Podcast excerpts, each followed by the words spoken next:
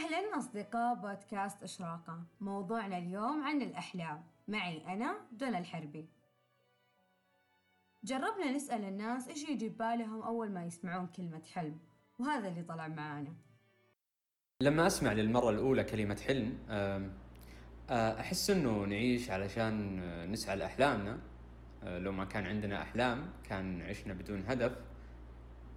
ولو ما عندنا أهداف آه، راح يقتلنا الفراغ. آه، أبغى أكون إنسانة يعني معتمدة على نفسي في كل الأمور حقتي وأكون فاتحة لي بزنس وأكون كمان دارسة التخصص اللي أنا أبغاه وأكون عايشة الحياة اللي أنا أبغاها يعني. أول شي يجي في بالي لما أسمع كلمة حلم ممكن الشيء اللي نسعى له يعني شيء ممكن ممكن شيء يكون صعب بس عندنا أمل إنه إحنا نوصل للشيء هذا أو نحققه. ممكن هدف ممكن طموح ممكن ممكن شيء أكبر من كذا. بس يعني هو حلم وإحنا نتمنى يعني إن إحنا نحققه. الحلم هو يعني الحياة. الحلم هو هدف من أهداف الحياة الضرورية والحتمية والإلزامية. اللي لولاها ما راح نقدر نجدد شغفنا كل يوم في العيش وفي هالحياة يعني كيف أنا أعيش من دون حلم؟ حياة من دون حلم حياة باهتة جدا. فالحلم هو هدف من الأهداف ومن الأمور اللي تجدد الشغف فيني طبعا وفي كل شخص يمتلك حلم. فترين يعني الأشخاص الحالمين اللي يمتلكون أحلام آه، يسعون يستمرون يعيشون أكثر من الأشخاص اللي ما عندهم أحلام تلقين حياتهم. باهتة آه، ما فيها لون للعيش ما فيها لون للحياة. فالحلم هو كل شيء مو أي شيء هو كل شيء. بكل بساطة أحلامنا ما تخلص. بتسألني كيف يعني؟ إحنا عايشين على الأحلام وهي سبب شغفنا بهذه الحياة. وتتغير أحلامنا مع تغير الزمان. يعني كمثلا لما كنا أطفال كانت أحلامنا على قدنا وسهل تحقيقها. وكبرنا وكبرت معانا أحلامنا. واليوم أحلامنا ما لها حدود. بالأحلام نصنع المستحيل. كيف أقدر أحقق حلمي؟ وإيش يعني حلم؟ سؤالين يطرحون نفسهم. كل الناجحين من الرجال والنساء. بداية نجاحهم؟ إصرار على الحلم. وكيف يكون مستقبلهم؟ ويتخيلون كل التفاصيل فيه. ويعملون جاهدين عشان يوصلون لهدفهم البعيد وتحقيق طموحهم. نمي حلما يبنيك. من الأشياء المهمة أن يحدد الشخص هدفه ويسعى وراء تحقيقه ويبذل جهدا في ذلك. مهما كان صعب ما هو مستحيل. فالمستحيل كلمة صنعها الإنسان بس عشان يداري فيها عجز نفسه. أسس من شغفك هدف وصدقني رح يتحقق. وإذا وضعت حلما اجعله شامخا بين النجوم. عشان حتى لو فشلت تكون وصلت إلى القمر. وهذا الشيء مو جديد. هذا الشيء علمنا يا الرسول صلى الله عليه وسلم عندما قال إذا طلبت الله لا تطلب الجنة بل أطلب الفردوس الأعلى وهو أعلى مراتب الجنة. ولما كان في المدينة وقال للصحابة ستفتح لكم فارس والروم أقوى دولتين بذيك الفترة. نرجع مع بعض. إيش هي الخطوات اللي ممكن تساعدنا على تحقيق أحلامنا؟ الإيمان.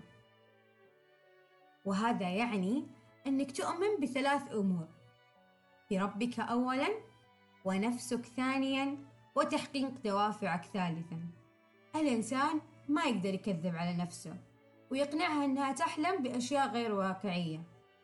يجب أن يكون قابل للتحقيق وإذ كان قابلا للتحقيق فاحلم بما تشاء. ما في حدود للأحلام. توقع الأسوأ. لا تخلق الأعذار نسمع كثير كلمة ظروف أهل أقدار نصيب. وللأسف هذه من أكثر أسباب الإحباط انتشارًا. يتخيل البعض أنه أحلامهم مستحيلة وطبعا يبدأ كل شخص منهم بوضع العقبات اللي تعيقه للوصول إلى ما يريد.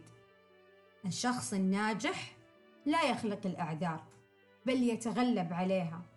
وأخيرا الدافع الحقيقي بوجهة نظري هو الرغبة لأن الشخص لو كان يبغى شيء راح يحاول بشتى الطرق إنه يوصل له. مهما كان. حسن ظنك بالله ثم بقدراتك. شعورك بالتعب أثناء مرورك في مراحل كثيرة. ممكن توصلك لتحقيق حلمك أفضل بكثير من الاستماع لآراء الناس اللي تحبط المعنويات لا تخف. لا تخف من المخاطرة وتجنب الأفكار السلبية. بين قوسين نصيحة لك.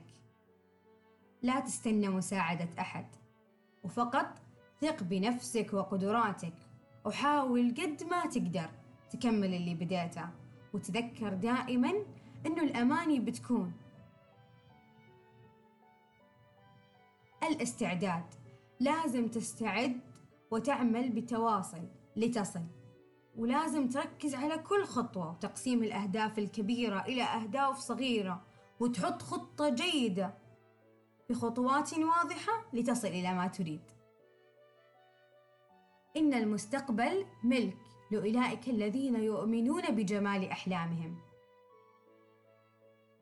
الثقة لتحقيق الأهداف والوصول للطموح.